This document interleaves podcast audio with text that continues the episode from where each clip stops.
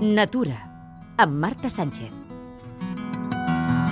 El Parc Nacional de Yellowstone és el més antic del món i el segon més gran dels Estats Units. Situat al nord-oest de l'estat de Wyoming, cada any el visiten 3 milions de persones atretes per les cascades, els geysers, la variadíssima flora i fauna i la bellesa inigualable d'alguns dels seus racons.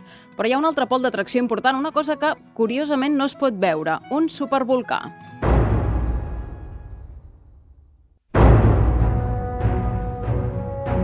El volcà de Yellowstone, que actualment està amagat a centenars de metres sota terra, ha entrat en erupció tres vegades. L'última fa 640.000 anys, no és, per tant, un cas excepcional. Sí que ho són, en canvi, i això és el que el converteix al parc en especial, les característiques del vulcanisme d'aquest parc. La principal singularitat d'aquest vulcanisme és que, eh, comparat amb altres volcans, eh, té unes proporcions enormes, eh, unes dimensions molt grans i que també no està a les zones clàssiques on apareixen aquests volcans de grans dimensions que serien les zones de col·lisió entre escorça continental i oceànica com ara els Andes. És Domingo Jiménez, és professor titular de Petrologia i Geoquímica de la Universitat de Barcelona. Li preguntem si creu que hi ha perill que aquest enorme volcà entri en erupció, tal com pronostiquen molts experts als Estats Units. Jimeno no veu possible una represa de l'activitat volcànica a Yellowstone volcà que eh, no es considera extingit pot entrar en activitat en qualsevol moment.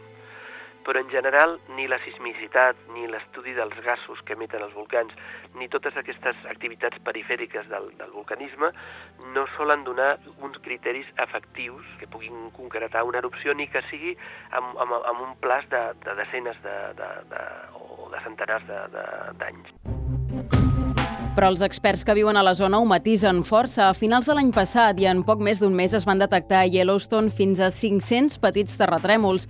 És per això que Michael Rampino, un expert vulcanòleg de la Universitat de Nova York, no descarta cap opció. So we may be seeing a magma chamber that's Podem estar veient una cambra de magma que s'està preparant per una gran erupció. Potser el que veiem és el procés d'una erupció petita, o bé és la cambra de magma activa que s'està movent i que després tornarà a la normalitat.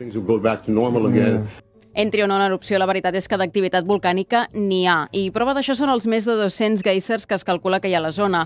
Estan adormits, en aigües termals, però es desperten de tant en tant, formant enormes plomes d'aigua calenta de desenes de metres. Hi ha altres llocs al món amb geysers, però en llocs se'n troben tants i de tan actius. Zones on les que hi ha sortides episòdiques, amb una periodicitat eh, coneguda, en molts casos, de, de, de surt aigua amb ebullició a, altes, eh, amb xorros d'aigua a altes eh, temperatures i igualment amb una alçada important.